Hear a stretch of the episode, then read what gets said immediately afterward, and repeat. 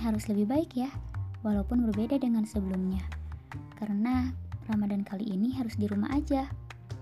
Kita nggak bisa lagi bukber, nggak ada lagi ngabuburit.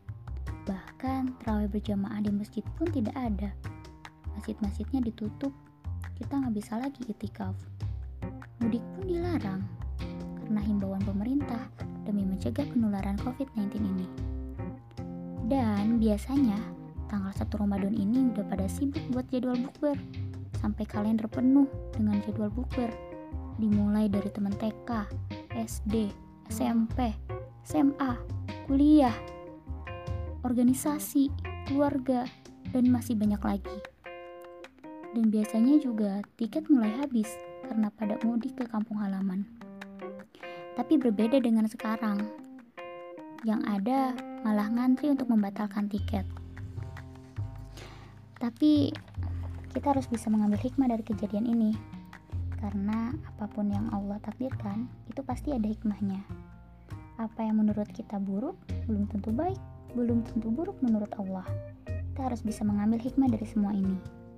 Ramadan kali ini kita harus bersyukur karena punya banyak waktu untuk Allah. Memaksimalkan potensi, mengisi waktu kita untuk beribadah. Ya, mungkin ini hikmah dari COVID ini ya. Biasanya mungkin kita lebih banyak waktu untuk teman-teman kita, untuk di luar sana yang mungkin masih banyak juga yang memanfaatkan dengan hal-hal yang tidak bermanfaat. Atau bahkan kita sampai lupa kepada Allah karena kita terlalu asik dengan kumpul-kumpulnya kita.